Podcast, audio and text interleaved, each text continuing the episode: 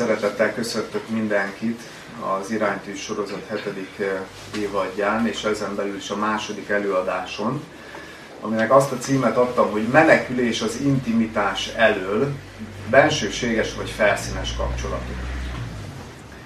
És muszáj azzal kezdenünk ezt az előadást, hogy megpróbáljuk meghatározni, hogy mi, mi egyáltalán az intimitás mert nem biztos, hogy annyira egyértelmű, hogy mit jelent ez a, ez a fogalom, hogy intimitás. És ugye nagyon gyakran találkozunk a bulvár világban legalábbis ezzel a szóval. Ugye, hogy intim részletek derültek ki a sztárházas párnak az életéből. És, ilyen, és ehhez hasonló ilyen kattintás vadász hírekkel ugye tele van általában a, az internet vagy a média. És érezzük is, hogy hogy az intimitás az valami olyan jelenség, két vagy akár több ember között is, de, de maradjunk így az előadás keretében leginkább most tényleg a legszorosabb emberi kapcsolatokat fogjuk vizsgálni, a párkapcsolatokat, a férj és a feleség közötti viszonyt. Nem csak, nem csak itt, itt jöhet létre intimitás, de, de most erre fogunk szorítkozni. Tehát érezzük, amikor mondjuk egy ilyen hírrel találkozunk, hogy az, az intimitás az valami olyan jelenség, aminek egyébként nem feltétlenül kellene kiderülnie. Ami két ember között létrejön, valami nagyon bensőséges dolog, ami nem tartozna feltétlenül a nyilvánosságra, valami titokzatos dolog, és talán pont ezért van az, hogy olyan sokan rákattintanak az ilyen hírekre, nem? Hát ki az, aki mondjuk egy ilyen hírt elolvas, vagy úgy oda vetődik a tekintete, és ne érezne legalábbis késztetést arra, hogy húha, akkor, akkor, akkor mi lehet az az intim részlet. Ugye a titokzatosság az nagyon vonja az embereket, nagyon-nagyon kíváncsiak vagyunk mi emberek. A másik oka meg mondjuk lehet az, hogy, hogy lehet, hogy érzi az ember, hogy valami olyan dologról fog olvasni, ami az ő életéből hiányzik és ezért szeretnek az emberek a másik életében turkálni, ezért van akkora sikere és olyan nézettsége a különböző valóságsóknak, mert az ember bepillanthat olyan helyekre, amire lehet, hogy ő is vágyik, hogy olyan dolgokat lát, fogott látni, amire ő is vágyik, de az ő életéből esetleg hiányzik. És amikor ezt a szót mondjuk, hogy intimitás, akkor a legtöbben mire asszociálunk egyből? Most ezt hadd kérdezzem így tőletek. Mire asszociáltok, amikor... Hogy? Szex, ugye? Szexualitás, testiség. Tehát amikor intimitásról van szó, azért a legtöbb ember egyből a, egyből a testiségre és egyből a szexualitásra e, asszociál. Na de hogyha egyenlőségjelet teszünk az intimitás és a szexualitás közé, akkor mondjuk mondhatjuk azt, hogy mondjuk a pornográfia? Miért nem? Mert nem, valóban nem, de miért nem? És nem csak, nem csak azért, és nem csak ott van a hiba, hogy az intimitás nem egyenlő a szexualitással, hanem mert hogy része természetesen, de egész más dimenziókban dől el, hogy mi az valódi intimitás és mi nem az. De mondjuk, egy, hogyha már a pornográfiát vesszük alapul, akkor azt mondhatjuk, hogy a pornográfia azért nem lehet intimitás, mert hogy nevezhetnénk bensőségesnek, hogy nevezhetnénk intimnek valamit, egy olyan kapcsolatot, ahol az egyik fél tárgyként kezeli a másik felet. Ahol az egyik ember nem emberként tekint a másikra, hanem tárgyként tekint rá. És létrejöhet-e intimitás eh, mondjuk két, két tárgy között? Van-e intimitás? Nincs intimitás egy ember és egy tárgy között létrejöhet-e intimitás? Nem jöhet létre. Az, az, az egy dolog, hogy az ember kötődhet egy tárgyhoz. Lehetnek nagyon bensőséges érzései egy tárgyal kapcsolatban. De valódi intimitás nem jöhet létre egy ember és egy tárgy között, mert a tárgy nem tud hozzám kapcsolódni. Én lehet, hogy ragaszkodok hozzá, de ez az emberi életnek egy ilyen nagyon sajátos vagy különleges területe, amikor, amikor gyengébb érzéseket táplálunk valami iránt, aminek semmilyen érzése nincs és nem tud viszonozni. Ugye mondjuk a férfiak az autó felé például, vagy egy nő a cipőik felé, tehát hogy lehet ilyeneket hozni, meg ugye ennek még nagyon sok variációja van, de valódi intimitás nincsen sem két tárgy, sem egy ember és egy társ között, és ebből fakadóan nem jöhet létre akkor sem, hogyha én tárgyként kezelek egy másik embert. Nincs, nincsen intimitás. Most azért, ezek lehet, hogy nagyon egyértelmű dolgok, csak azért akarok ilyen messziről indulni, hogy nagyon alapozzuk meg az intimitásnak a fogalmát, hogy miről beszélünk, mert erről fog szólni az egész előadás, hogy, hogy ezelől az emberek menekülnek, de akkor tudjuk már legalább, hogy mi az, ami elől menekülünk. Mi az az egész téma, amit, amit itt most felszínre akarunk hozni. És finomítsuk egy kicsit finomítsuk egy kicsit. Mert még mindig nem, nem határoztuk meg ezekkel a dolgokkal, hogy mi az intimitás. A pornográfiát finomítsuk le, mondjuk vegyünk egy olyan esetet, ami nagyon gyakori a mai világban, összejön egy férfi meg egy nő, hollywoodi sztori, tele romantikával, de egy egy éjszakás kaland. Nagyon jól érzik magukat a felek, megbeszélik, hogy ennyi lesz és nem lesz több ebből az egészből. Tiszteletben tartják egymást, kedveskednek egymáshoz, és aztán reggel felkelnek, és mindenki megy a maga dolgára. Történt-e intimitás ebben a kapcsolatban? Szerintetek? Szép, szép, szép, szép a történet. Csomó film is szól erről, meg meg, meg, meg nagyon sok ilyen történet zajlik a világban. Nevezhetjük-e ezt intimitásnak? Szerintem határozottan ki kell mondanunk, hogy nem. És azért nem, és itt fogunk megérkezni az intimitásnak a lényegéhez. Azért nem, mert bármennyire is szép a máz, bármennyire is ott van a kedvesség, ott van a, akár az odafigyelés, azért nem nevezném intimitásnak ezt a finomabb változatát, vagy ezt a, a nyilván a pornográfiához képest egy sokkal finomabb változatát a, a kapcsolatnak, mert a máz ellenére valódi kapcsolat a két ember között nem jött létre. Valódi kapcsolat nem jött létre a két ember között. Eltöltöttek egy szép napot, megosztottak egymásból dolgokat, gondolatokat, a testüket, de valódi kapcsolat nem jött létre. Mert hogyha létrejönne, akkor reggel nem távoznának el egymás mellől. Akkor nem, nem válna szét, a, szét a, az útjuk. Az intimitás, azaz a bensőséges kapcsolódás egy másik emberhez nem elsősorban a testiség szintjén jön létre, hanem a, a lelkiség szintjén. Része a testiség, része lehet a testiség, de nem, nem, nem az elsődleges. Nem az elsődleges. És amikor azt kérdezzük, hogy mi valójában az intimitás, akkor gyakorlatilag ezt a kérdést úgy is megfogalmazhatjuk, hogy mit jelent valóságosan kapcsolódni egymáshoz. Mikor jön létre valódi kapcsolat, tartós kapcsolat két ember között? És megint csak visszautalnék az elejére, hogy, hogy most a legszorosabb emberi kapcsolatot, köteléket, a férfeleség vagy a, a, tényleg a párkapcsolatokat vesszük alapul, de ez ugyanúgy igaz lehet egy szülőgyermek kapcsolatra, ugyanígy igaz lehet barátságokra, testvéri kapcsolatokra, jó? Csak mégis ezen a szálon fogunk vég, végig menni, mert talán ez, ezen keresztül értjük meg a legjobban az egészet. Tehát az intimitás az egy bensőséges kapcsolódás a másik emberhez, de hogy, hogy mitől lesz egy kapcsolat valódi? Mitől lesz igaz? Mitől lesz bizalomteljes? Mitől lesz valóságos? Mitől lesz valódi?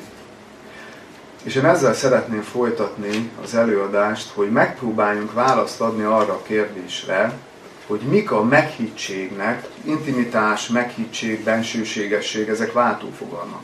Hogy egy meghitt emberi kapcsolatnak, egy intim, igazán intim emberi kapcsolatnak mik a mérő, mércéi, mik a mérőfokai.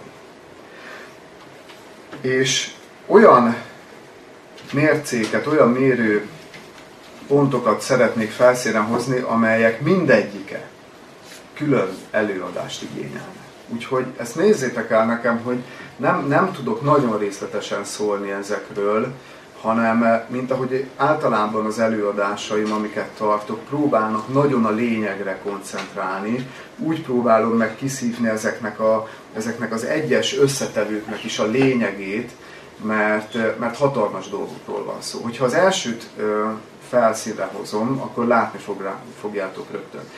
Szerintem az egyik első ponton kell megemlítenünk a felelősségvállalást. És itt már megérthetitek, hogy miért mondtam azt az első, az előző pontnál, hogy miért nincsen intimitás egy ilyen szépnek tűnő hollywoodi történet esetén. Nincs felelősségvállalás. Érezzük jól magunkat, de, de igazából nem vállalunk egymásért felelősséget. Te utána mész jobbra, én meg megyek balra. Annyira már nem vagyok rád kíváncsi, hogy eltöltsek veled akár egy hetet, vagy kettőt, vagy hármat. Hogy megismerjelek, az már, az már, az már nem, az már kényelmetlen. Vagy hogy meg, meg, még többet mutassak magamból, mint mondjuk 8 óra hossza, és ameddig annyi idő alatt el lehet jutni, az már nem. Felelősségvállalás, ez az egyik, egyik legfontosabb összetevője az intim kapcsolatoknak, a meghitt kapcsolatoknak. Mit értünk az alatt, hogy felelősségvállalás? Hogy felelősség teljesen vagyok benne egy kapcsolatban. Érzitek, hogy rengeteg mindent lehetne itt mondani. Próbálok tényleg a lényegre szorítkozni. Hadd kérdezzek valamit tőletek. Mi egy valódi kapcsolatnak az alapja? Egyetlen fogalmat kérek. Bizalom. Ugye? De ez nem kell magyarázni. Nem kell levezetni logikusan, hogy a bizalom egy, egy valódi kapcsolatnak az alapja. Bizalom nélkül semmilyen kapcsolat nincsen. Na most, hogyha a bizalmat tesszük meg az alapnak, és, és helyesen tesszük meg, akkor ebből a szempontból mit értünk felelősségvállalás alatt? Az, hogy azt a bizalmi kapcsolatot, ami létrejön, és egyre jobban és jobban mélyül a kapcsolat előre haladtával, azt minden áron védelmezem. És a legfontosabb lesz, hogy abba a bizalmi kapcsolatba ne tudjon beférkőzni kívülről senki és semmi. Ez, ez egy felelősségvállalás egy kapcsolatban. Ha én, ha én bensőséges kapcsolatot akarok, akkor az egyik legfontosabb dolog, hogy védelmezzem annak a kapcsolatnak a bizalmi alapját, ami nagyon-nagyon érzékeny tud lenni. Ezt szerintem megint csak nem kell magyarázni, hogy mennyire érzékeny tud lenni a bizalmi kapcsolat. Hogy építed a bizalmi kapcsolatod, kapcsolatot 5 évig, 10 évig, 15 évig. Tegyük fel, hogy minden szuper, hogy, hogy még, még, még, még azok a surlódások sincsenek meg, amik egyébként meg szoktak lenni egy kapcsolatban, hogy nem értünk mindenben egyet, vannak viták, vannak nézeteltérések. Tegyük fel, hogy épül, épül, épül a kapcsolat, egyre és egyre bizalom teljesebb, mondjuk tíz évig épül, és megcsalod a másikat. Érzitek, hogy milyen érzékeny a bizalom? Hogy tíz évig építettél valamit, amit egyetlen egy cselekedettel így romba döntesz. Tehát ez, ezt védelmezni kell folyamatosan, és ez felelősség. Felelősség. Ha valakiről például és mondjuk egy baráti kapcsolatról, egy testvéri kapcsolatról, hogyha beszélünk. Valakiről mondjuk plegykákodsz, vagy a háta mögött kibeszéled, és nem vele beszéled meg a problémát, akkor ott már is sérül a bizalom. Ott az intimitás már is, már is megsérül. Érdekes ebből a szempontból, és ezzel persze értsétek jól, nem azt mondom, hogy akkor hogy akkor egy harmadik félnek adott esetben nem beszélhetek egy, egy másik félről. Tehát ne, ne értsétek ilyen fanatista módon. Persze, hogy van, amikor beszélünk a másik ö, emberről, de nem mindegy, hogy milyen indítékból és milyen szándékból. És én azt látom, hogy ö, belehallgatok az utcán egy-egy beszélgetésbe. Elmegyek egy családi rendezvényre, elmegyek egy összejövetelre, elmegyek akárhova, 90%-ban mi az emberek témája, egy olyan emberről beszélnek, aki nincs jelen. 90%-ban ez a téma az emberek között. Legykálkodás. Nem szándékos, nem azért, mert annyira gonoszak lennénk, hanem mert ilyen az emberi természet. Ilyen értelemben egyébként nagyon érdekes, hogy a, a tíz parancsolat kilencedik parancsolata az az intimitásnak a védelméről szól. Ne tégy a te fele barátod ellen hamis tanúbizonyságot. Ne tégy a te fele barátod ellen hamis tanúbizonyságot. Aztán, mi tartozik még ide? Kiállás a másik emberért. Tehát ez még mindig a felelősségvállalás. Kiállok a másik emberért, mit értek ez alatt? Például nagyon gyakori élethelyzet, hogy van egy pár, és ugye mind a két párnak vannak szülei. És mondjuk még nem történt meg a leválás a szülőkről, most elsősorban érzelmileg és lelkileg értem, és a, a szülők azért úgy befolyásolják még a fiúkat vagy a lányukat, teljesen mindegy. És nagyon gyakori, hogy a felek a szülők javára döntenek sokszor, és nem mernek kiállni a párjuk mellett. Karácsony, nemrég múlt el, karácsony, nagyon gyakori, nem jöttök haza karácsonykor. És egy ilyen érzelmi ráhatás, egy ilyen érzelmi manipuláció megjelenik a szülő részéről, hát de hogy mindig itt van, karácsonyoztunk együtt, és én bele fogok halni, hogyha nem jössz haza, ha nem jöttök haza. De a párod meg azt mondja, hogy ő már végre szeretné, hogyha kettesben, bensőségesen töltenétek együtt az, az ünnepeket. Kinek a javára döntesz? Kinek a javára döntesz?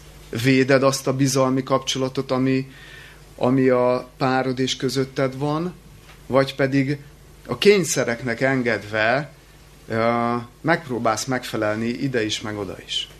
És nem hozol egy döntést kiállni a másik emberért. Vagy több olyan ismerősöm van, aki, én, én tényleg csodálva nézem ezeket az embereket sokszor, mert hogy én nem ilyen voltam, de hogy van több olyan ismerősöm, akik, akik így visszaemlékezve az iskolás korukra, a fiatal korukra, azt mondták, hogy ők valamilyen belső késztetéstől vezérelve mindig a gyengék mellé álltak. Mindig kiálltak az iskolában, az osztályban a gyengék mellé. Én sajnos azok között voltam, aki piszkáltam a gyengébbeket. Ugye tudjuk milyenek a gyerekek, kiszúrják a, gyenge, a gyengéket, és, és, és bántják, és bántalmazzák őket. Most fizikailag is, meg, meg lelkileg is, meg verbálisan is. De vannak olyanok, akik meg mindig kiállnak az ilyenek mellett. És itt egy nagyon fontos pont, itt azért meg kell állni, mert hogy az igazi felelősségvállalás, abban benne van az, hogy én kiállok valami vagy valaki mellett. Lehet ez egy elv is, nem muszáj, hogy egy ember legyen, lehet egy elv. Meg lehet egy ember is, és úgy állok ki mellette, hogy közben vállalom az azzal járó következményeket.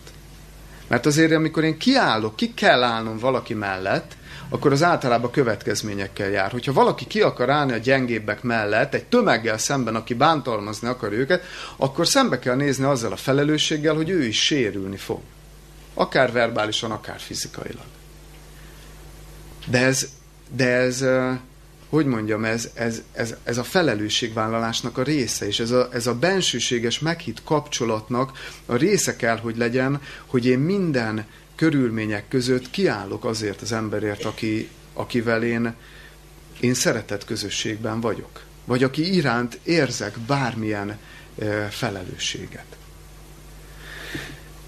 És ebből vonom le azt a következtetést, és az én gondolkodásom idáig jutott a felelősségben a, a legmélyebb, biztos, hogy van még mélyebb dimenziója, csak én nem jutottam egyelőre tovább.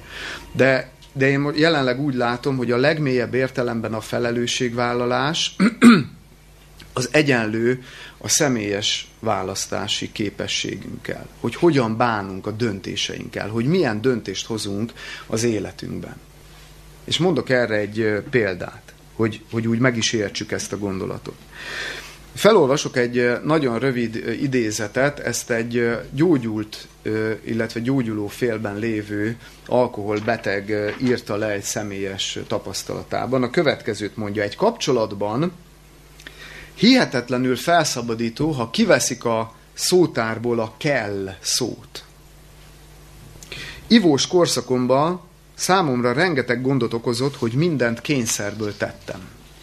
Nem volt mély meggyőződésből vagy inspirációból fakadó kedvem felkelni, iskolába, majd dolgozni menni, levinni a kutyát, stb.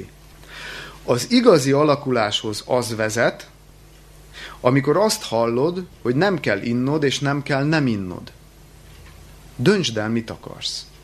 Így még a végén arra is rájöhet az ember, hogy a saját életéért ő a felelős. Nincs presszió, nincs kényszer, felelősség van. De miből fakad ez a felelősség, vagy mivel van szoros összeköttetésben? Hogy hogyan döntesz, hogy mit döntesz, hogy mit választasz. Itt idézhetem vissza, hogy a szüleit karácsonykor érzelmi manipulációs eszközökkel haza akarnak kényszeríteni, feleséged, férjed nem akar hazamenni. Mit döntesz? Hogyan döntesz? Vállalod annak a felelősségét, hogy összeveszel a szüleiddel? És védelmezed azt a kapcsolatot, amit védelmezned kell?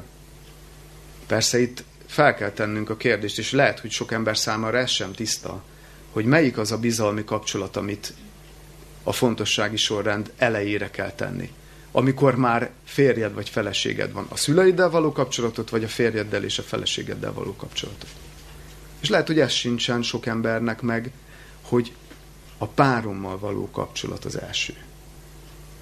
Ami nem azt jelenti, hogy nem tisztelhetem és nem szerethetem a szüleimet, de most már nem az az első számomra, hanem a, a, a, másik, a másik felemmel, a, a párommal való kapcsolat. Vállalod ennek a felelősségét, vagy nem? És szerintem sokan átmehettünk ezen a, akár ugyanezen a példán, vagy hasonló példákon.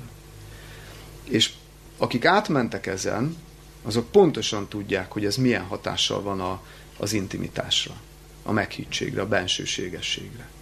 Rombolja, erősen rombolja. Nehéz kérdés, beszéltünk róla a romboló családi mintáink kapcsán, hogy hogyan lehet kezelni ezeket a helyzeteket. Jó, tehát beszéltünk felelősségről. Aztán most jön a következő pont. Én, nem, én itt megállnék, nem mennék tovább a felelősségvállalásba, hanem ugranék egyet a következő pontra, hogy mitől igazán meghitt egy kapcsolat. És azzal kell folytatnom, hogy elköteleződés. A felelősségvállalás után egy újabb olyan fogalom, amit úgy dobjuk már le magunkról, nem? Főleg, főleg, főleg a férfiaknál ez, ez egy kritikus pont. A férfiak sokkal nehezebben köteleződnek el, mint a nők. Ha, ha kapcsolatról beszélünk. De nyilván nem csak egy másik ember iránt tudunk elköteleződni, egy eszme iránt, egy munka iránt, egy sokféle, elköteleződés létezik. Nyilván most a kapcsolatokat vizsgáljuk. Miért ezzel folytatom a sort a felelősségvállalás után, és a felelősségvállalásban az utolsó pont az volt, hogy ugye ez a döntésünk gyakorlatilag a felelősség nagyon szorosan összeáll, a, összefügg a döntésünkkel. Hát azért, mert az esetek, nem is azt mondom, hogy túlnyomó többségében, hanem mindig nem elég egyszer meghoznod egy döntést. Vegyünk egy példát. Úgy döntesz, hogy, hogy azt az embert, akit szeretsz, elveszel feleségül hozzámész férjül. Ki az, aki házas? Nem sokan. De vannak, akik hosszú tartós kapcsolatban élnek, ugye? Elég egyszer meghoznod azt a döntést, hogy ő az, akivel akarom élni az egész életemet? Vagy azért vannak olyan pillanatok, amikor újra és újra és újra meg kell hoznom ezt a döntést, hogy igen, ő volt az, aki mellett döntöttem, megvizsgáltam, udvaroltam, megismertem, és, és mellette szeretnék élni.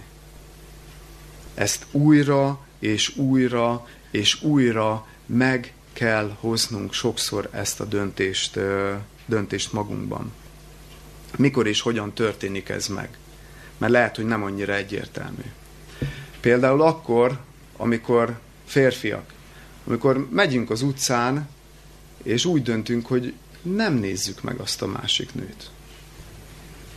Vagy nem megyünk fel, és nem nézünk pornót az interneten. Nem? Mert ez, ez mind az elköteleződést szolgálja. És ezek valós problémák. És kemény problémák.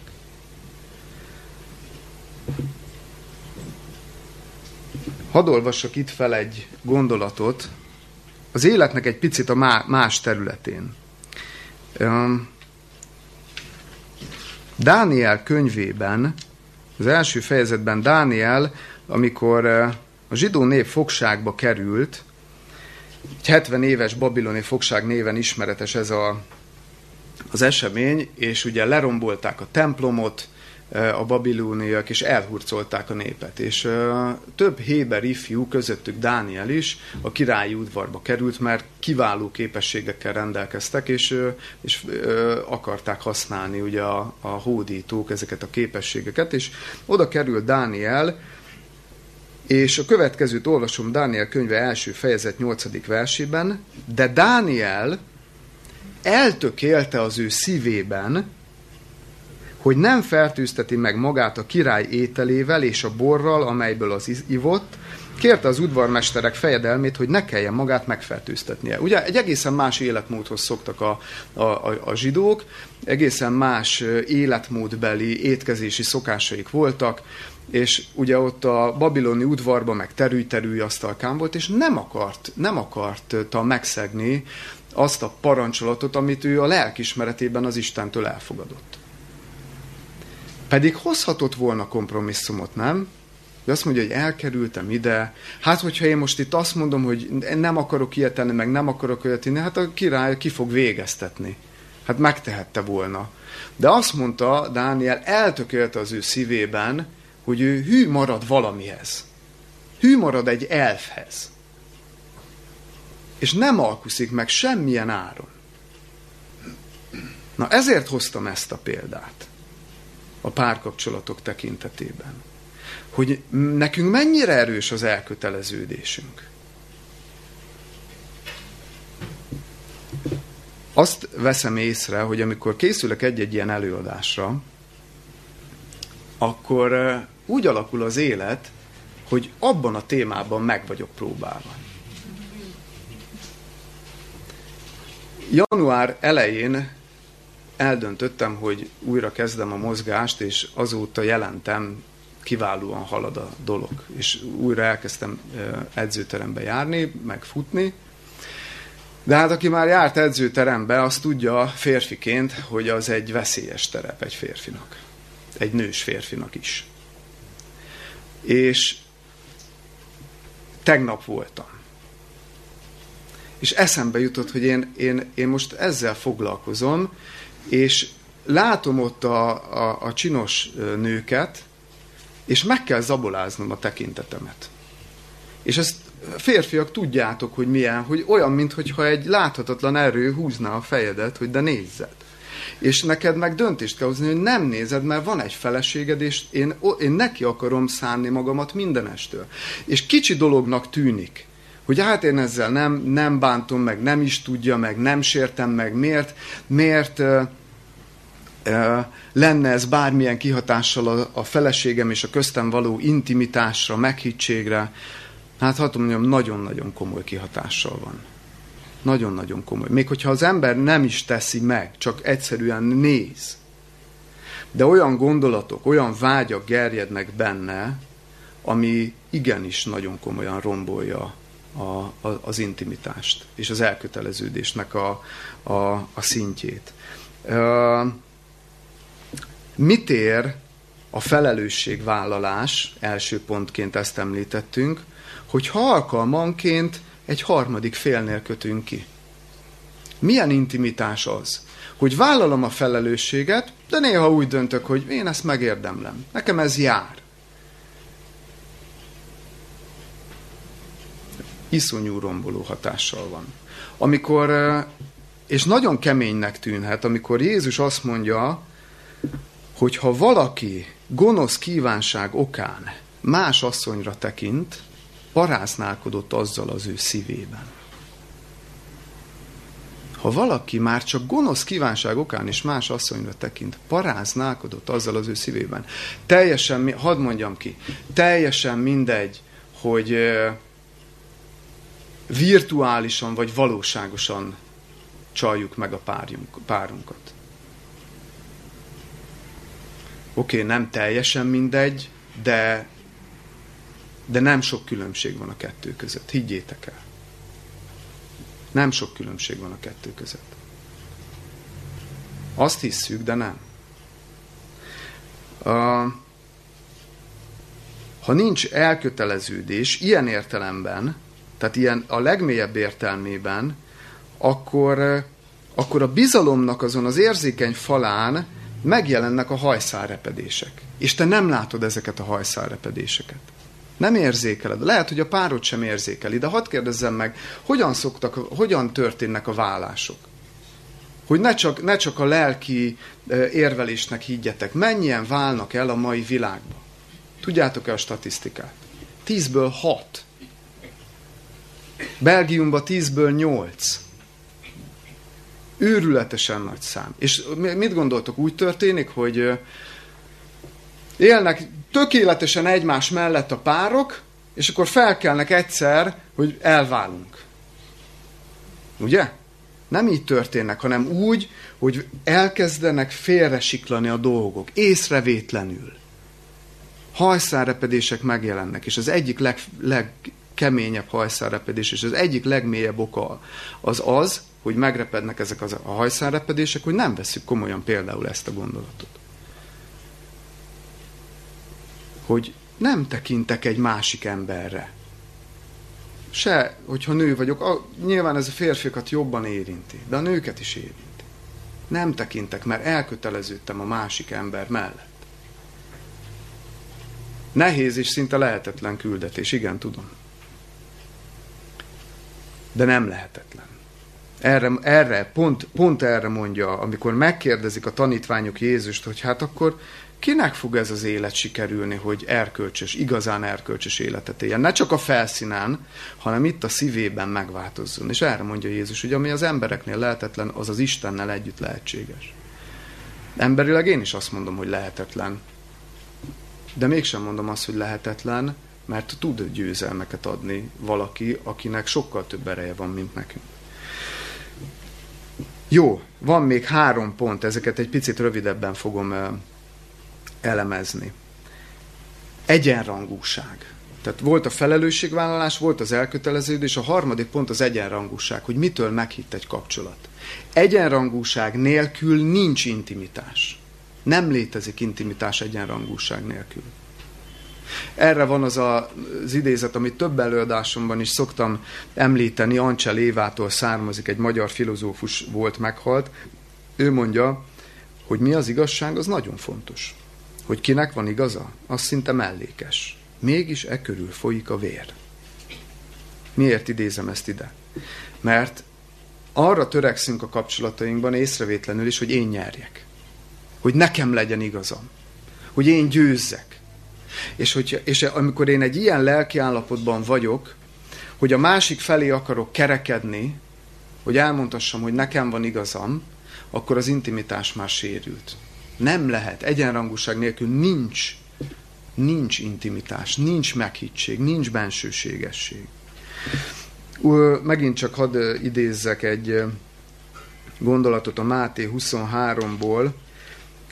Jézus következőképpen mondja, hogy minden ember egyenlő, nincsen különbség, emberségben, nemekben, szociális helyzetben, nagyon sok mindenben vannak képességekben, vannak közöttünk különbözőségek, szerepekben.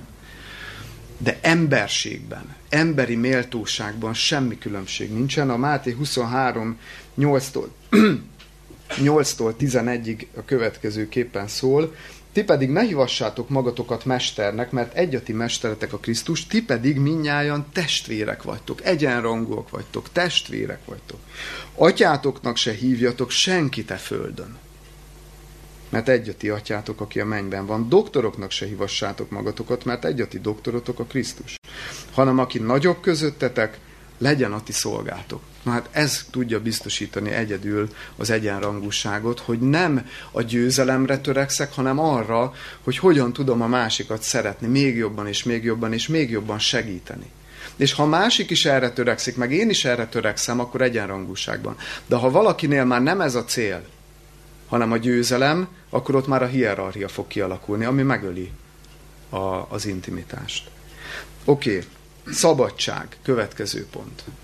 Azért nem fogok erről részletesen beszélni, mert külön előadás szólt erről, a szabadságról. De egyetlen a kulcs igéjét, vagy a kulcs gondolatát annak a, a, az előadásnak, hogy, hogy, a, hogy a, a szabadság miért fontos az intimitáshoz, azt azért szeretném újra felidézni. Ha szeretsz valakit, engedd el. Ha nem jön vissza hozzád, sosem volt a tiéd. Ha visszajön, örökre megnyerted őt. Ugye érzitek, hogy a szabadság nélkül mennyire nincs intimitás. Ha én kontrollálni akarok, ha én nem adom meg a másiknak a szabadságát, hogy úgy érezzen, ahogy érez, hogy úgy cselekedjen, ahogy cselekszik, hogy, hogy meggyőződésből tegye, amit tesz, akkor, akkor az egész egy ilyen, egy ilyen irányított, kényszerektől teli kapcsolat lesz, és nem lesz, nem lehet bensőséges. És az utolsó pont, a figyelem, a jelenlét. Ami szintén a meghittségnek egy nagyon fontos mérő, mérföldköve. Hogy mennyire vagyok jelen a másik embernek az életében. Mennyire figyelek rá, Zoli, így szeretném, hogyha kivetítenéd azt a pár képet, egy nagyon komoly fotósorozatot készített egy hölgy, majd mindjárt szólok, hogyha mehetünk tovább. Mennyire mondanátok ezt a kapcsolatot meghittnek, bensőségesnek? Oké, okay, hogy kiragadtunk egy pillanatot, de elég sok ilyen pillanat van a mai kapcsolatokban. Mennyire bensőséges ez a kapcsolat? Mennyire intim? Következőképp.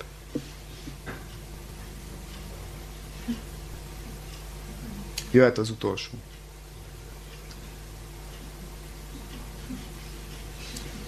Történik kapcsolódás? Semmi. Illetve de történik, csak nem egymás között, hanem a telefonnal, a virtuális világgal lépnek kapcsolatra egyenként a felek. És elveszítik egymást. Nincsenek jelen egymás életében, nem figyelnek egymásra. Neked hogy esik? Voltatok már olyan helyzetben, hogy valami úgy a szíveteken volt, meg akartátok osztani, el akartátok mesélni, és láttátok a másikon, és éreztétek, hogy nincs jelen, nem figyel oda rá. Voltatok már így? Milyen érzés? Rossz. Jó? Oké. Okay. Nem, nem akarom ezt tovább magyarázni. Jó. Ezekből már, ezekből a kis ö, fogalmakból, vagy ezekből a jelenségekből már kiderül, hogy miért azt a címet adtam az előadásnak, hogy menekülés az intimitás elől. Ki az, aki olyan lelkesedést érez, amikor felelősséget kell vállalnia? Vagy, vagy, vagy az elköteleződés szó hallatán olyan, olyan meleg érzések töltik el. Hm? Nem folytatom, értitek?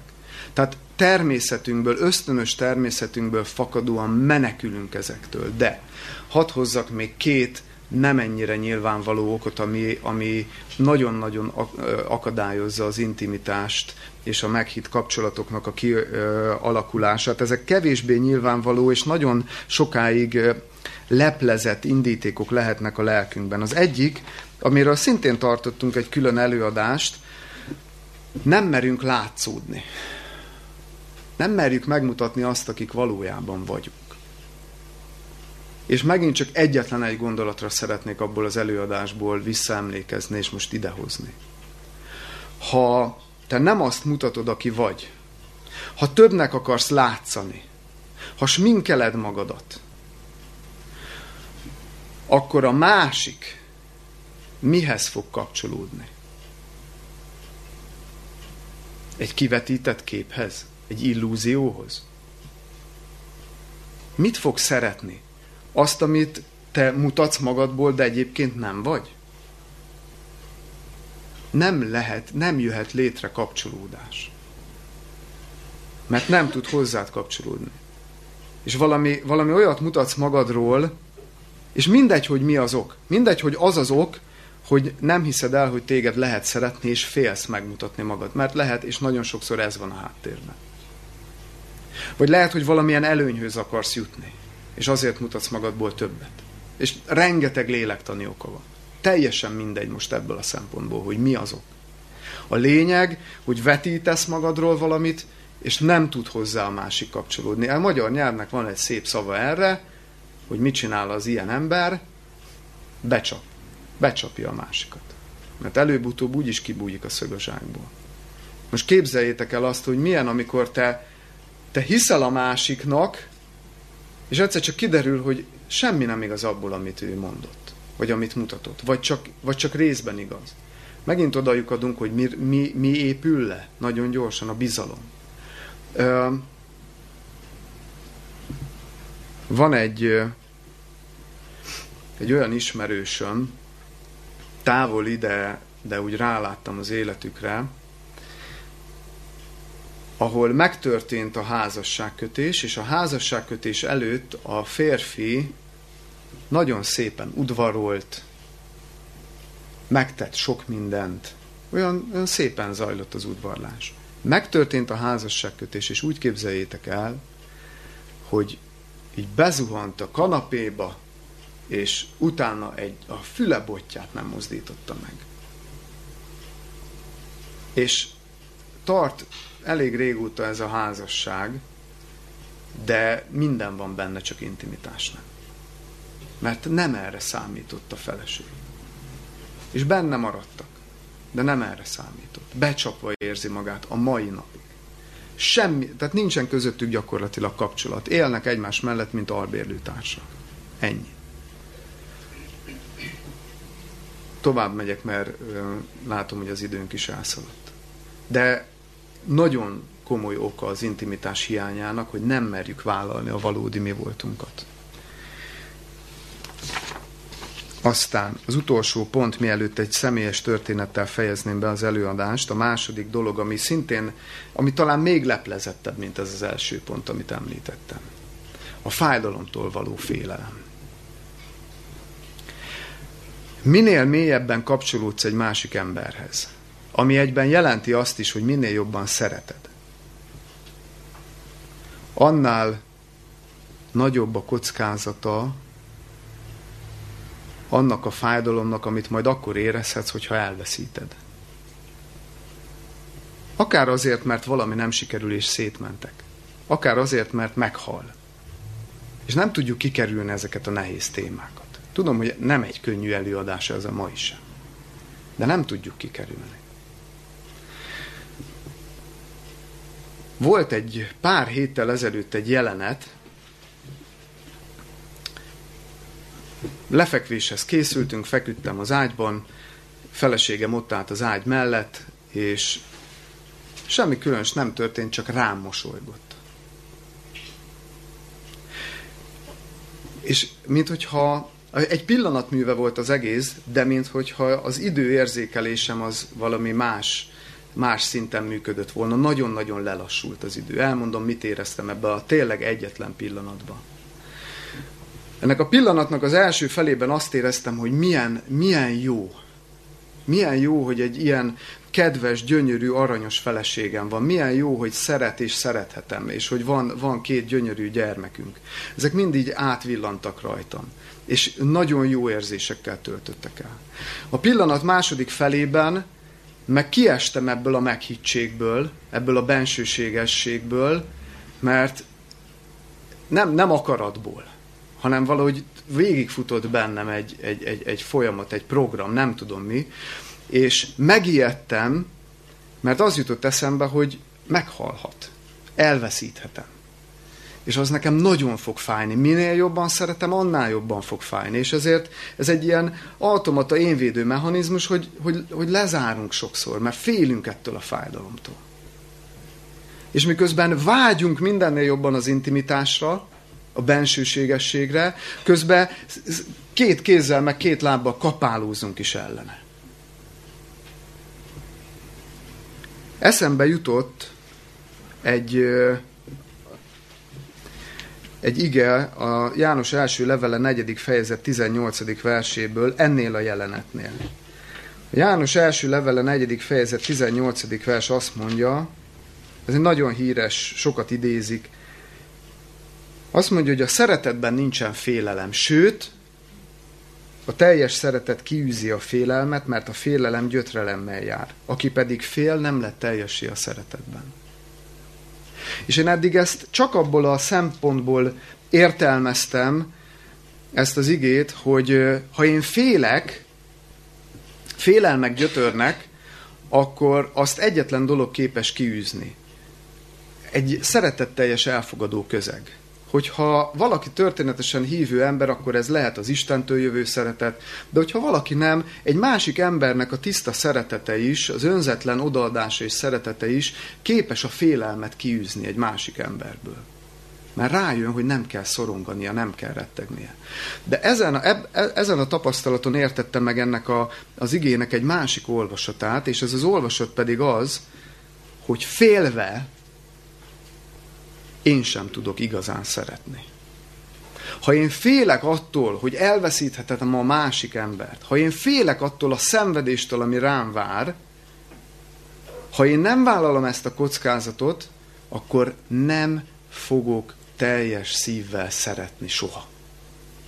Ha én védekezek, ha én védekezek ez ellen. És szoktam idézni, de most megtaláltam pontosan az idézetet, C.S. Lewis, ugye Nárnia krónikáiról ismerik sokan, sokkal ö, mélyebb és nagyobb az ő életműve, mint a Nárnia krónikái. Készült is egy ö, színpadi mű is az ő életéből, meg egy film is, Árnyékország néven. És ez egy életrajzi, ö, életrajzi mű, és ebben kimond egy hatalmas gondolatot, egy hatalmas dolgot a, a szerző illetve a szerző életéből ezt kiolvashatjuk. Történt ugyanis, hogy amikor fiatal gyerek volt, akkor meghalt az anyukája, fiatal fiú volt még. És annyi, akkor annyira fájdalmas volt ez az élmény, hogy, hogy jött ez a mechanizmus és lezárt és utána nem tudott kialakítani normális, mély emberi kapcsolatokat. Nőkkel nagyon sok problémája van, nem tudott intim kapcsolatra jutni, párkapcsolatokat kialakítani. Míg nem jött egy nő az életébe, fenekestől felforgatta az életét, de kiderült, hogy gyógyíthatatlan betegségben szenved ez a nő. Halálos beteg. És ott állt megint egy döntés előtt hogy vállalja ezt a kapcsolatot, vagy nem vállalja. És a következő hangzik el ebben a műben. Minek a szerelem, ha fáj az elvesztése? Nem tudok rá választ adni, csak az élet tud, melyet éltem. Ebben az életben kétszer adódott lehetőségem választani. Egyszer gyerekként, és egyszer férfiként. A gyerek a biztonságot választotta, a férfi a szenvedést. A mostani fájdalom a majdani boldogság része. Ez a lényeg. Az egész témának a tanulsága. Vagy teljes szívvel éljük az életünket, és beleadunk a kapcsolatainkban mindent, a teljes lényünket, a teljes szívünket, vállalva annak a kockázatát, hogy megsérülünk, hogy szenvedni fogunk, hogy fájni fog nagyon. Vagy megelégszünk a félszívű élettel és a felszínes kapcsolatokkal. De nálunk van a döntés. Ez nem a körülményeken, nem a másik ember hozzám való viszonyán múlik, hanem rajtam. Egyedül rajta.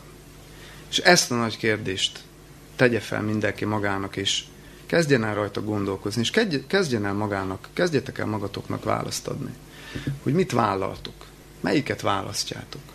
Teljes szívűen éltek, vállalva ennek minden kockázatát, minden fájdalmát, a szenvedés lehetőségét, Vagy marad a, a berögzött, a megszokott út, nem mondom el azt, amit akarok, nem, nem éppen úgy mondom, ahogy akarok, nem is mondom el, többet mutatok magamból, mint ami vagyok, nem mutatom meg magamat, nem vállalom a felelősségemet, nem akarok elköteleződni.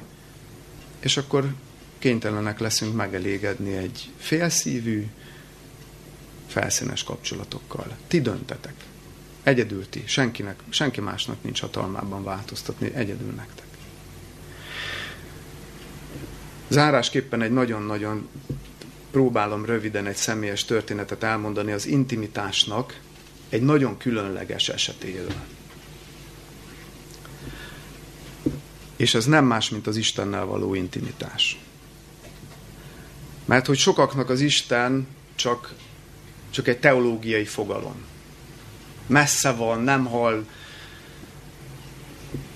meg lehet, hogy neki segít, nekem nem, amikor én elkezdtem ismerkedni az Istennel, mert ugye 14 év drogfüggőség után eljutottam oda, hogy nem tudom irányítani az életemet, és, és segítségre van szükségem, és az Isten előtt mindenkivel és mindennel próbálkoztam, de semmi nem segített. És ez az elején volt a kapcsolatunknak, amikor elmentem egy biblia táborba, de akkor még nagyon erősen vonzott a régi életem. És vasárnap elmentem ebbe a táborba, de már hétfőn azon gondolkoztam, hogy én el fogok innen menni, mert nagyon rosszul érzem magamat. Mert itt mindenki, mindenkit szentnek láttam, mindenkit úgy láttam, hogy itt már mindenki a tökéletesség útjájár, én meg belülről szenvedek attól a vágytól, hogy ú, de berúgnék, meg elszívnék egy, egy füves cigit.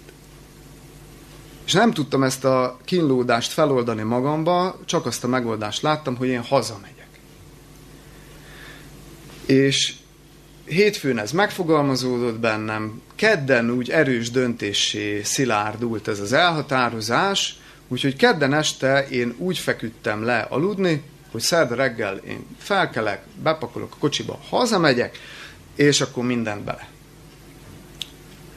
És kedden hajnalba felébredtem, nem tudtam visszaludni, kimentem a tábornak a területére, hajnal, kettő, három, négy óra volt, nem tudom, Kimentem sétálgatni, és azóta se történt velem ilyen, meg azelőtt se, de, de az egy meghatározó élmény volt az életemben, ugyanis egy, volt egy pillanat, amikor megszólalt egy kérdés a fejemben. Nem gondolat formájában, hogy megfogalmazódnak bennünk kételyek, felteszünk magunkban kérdéseket, hanem egy hang szólalt meg a fejemben. És hogy onnan tudom, hogy az Isten volt ez. Onnan, hogy amit kérdezett, és ahogyan kérdezte. Az ahogyan kérdezte, az olyan volt a hangszín és a hang nem, amilyet én emberi lényből még nem hallottam kijönni. A olyan szeretetteljes, olyan kérlelő, de mégis olyan határozott, de a vádlásnak, az ítélkezésnek semmi jele nem volt benne, és a, mondom, a hangszín is valami olyan, olyan, olyan gyönyörűséges volt, hogy, hogy ez az egyik dolog, ami miatt tudom, hogy az Isten volt. A másik dolog, ami miatt tudom az, hogy amit kérdezett. Egyetlen egy rövid kérdést tett fel, semmi több. És utána nem volt válasz, nem volt párbeszéd, nem volt semmi. Csak egy kérdés. A kérdés a következő volt. Miért csinálod ezt, fiam?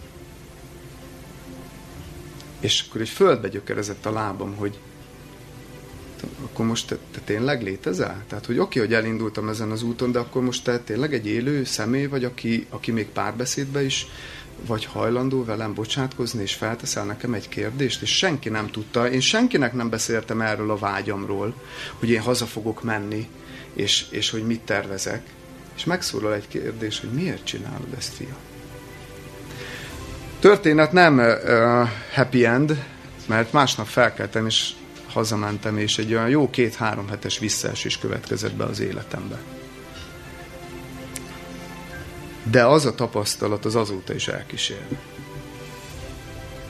Hogy, hogy van valaki, aki, aki nagyon intim, nagyon bensőséges kapcsolatra akar velem törekedni. Mert az ő viszonyában benne volt a felelősségvállalás, benne volt az elköteleződés. benne volt a szabadság, megadta a szabadságomat, hogy én dönthetek. És én úgy döntöttem, hogy nem hallgatok erre a szóra. Mégsem csapott le a villám a fellegekből. Jó, ezt én csak azért akartam elmesélni, mert, mert az Isten nem egy teológiai fogalom, hanem egy élő személy, és mindenkivel ilyen kapcsolatra törekszik. Én nem tudom, hogy miért vagyok ilyen kivételezett, hogy megkaptam egy ilyen tapasztalatot, de, de örülök neki, és, és nagyon-nagyon sokat jelentett az életemben ez a fordulat. De, de a döntés a miénk akkor is. A döntés a miénk. Akár emberi kapcsolatokról van szó, akár az Istennel való kapcsolatról. A döntés a miénk. Hogy élünk? Teljes szívvel, vagy fél szívvel? És én itt be is fejezném a, az előadást.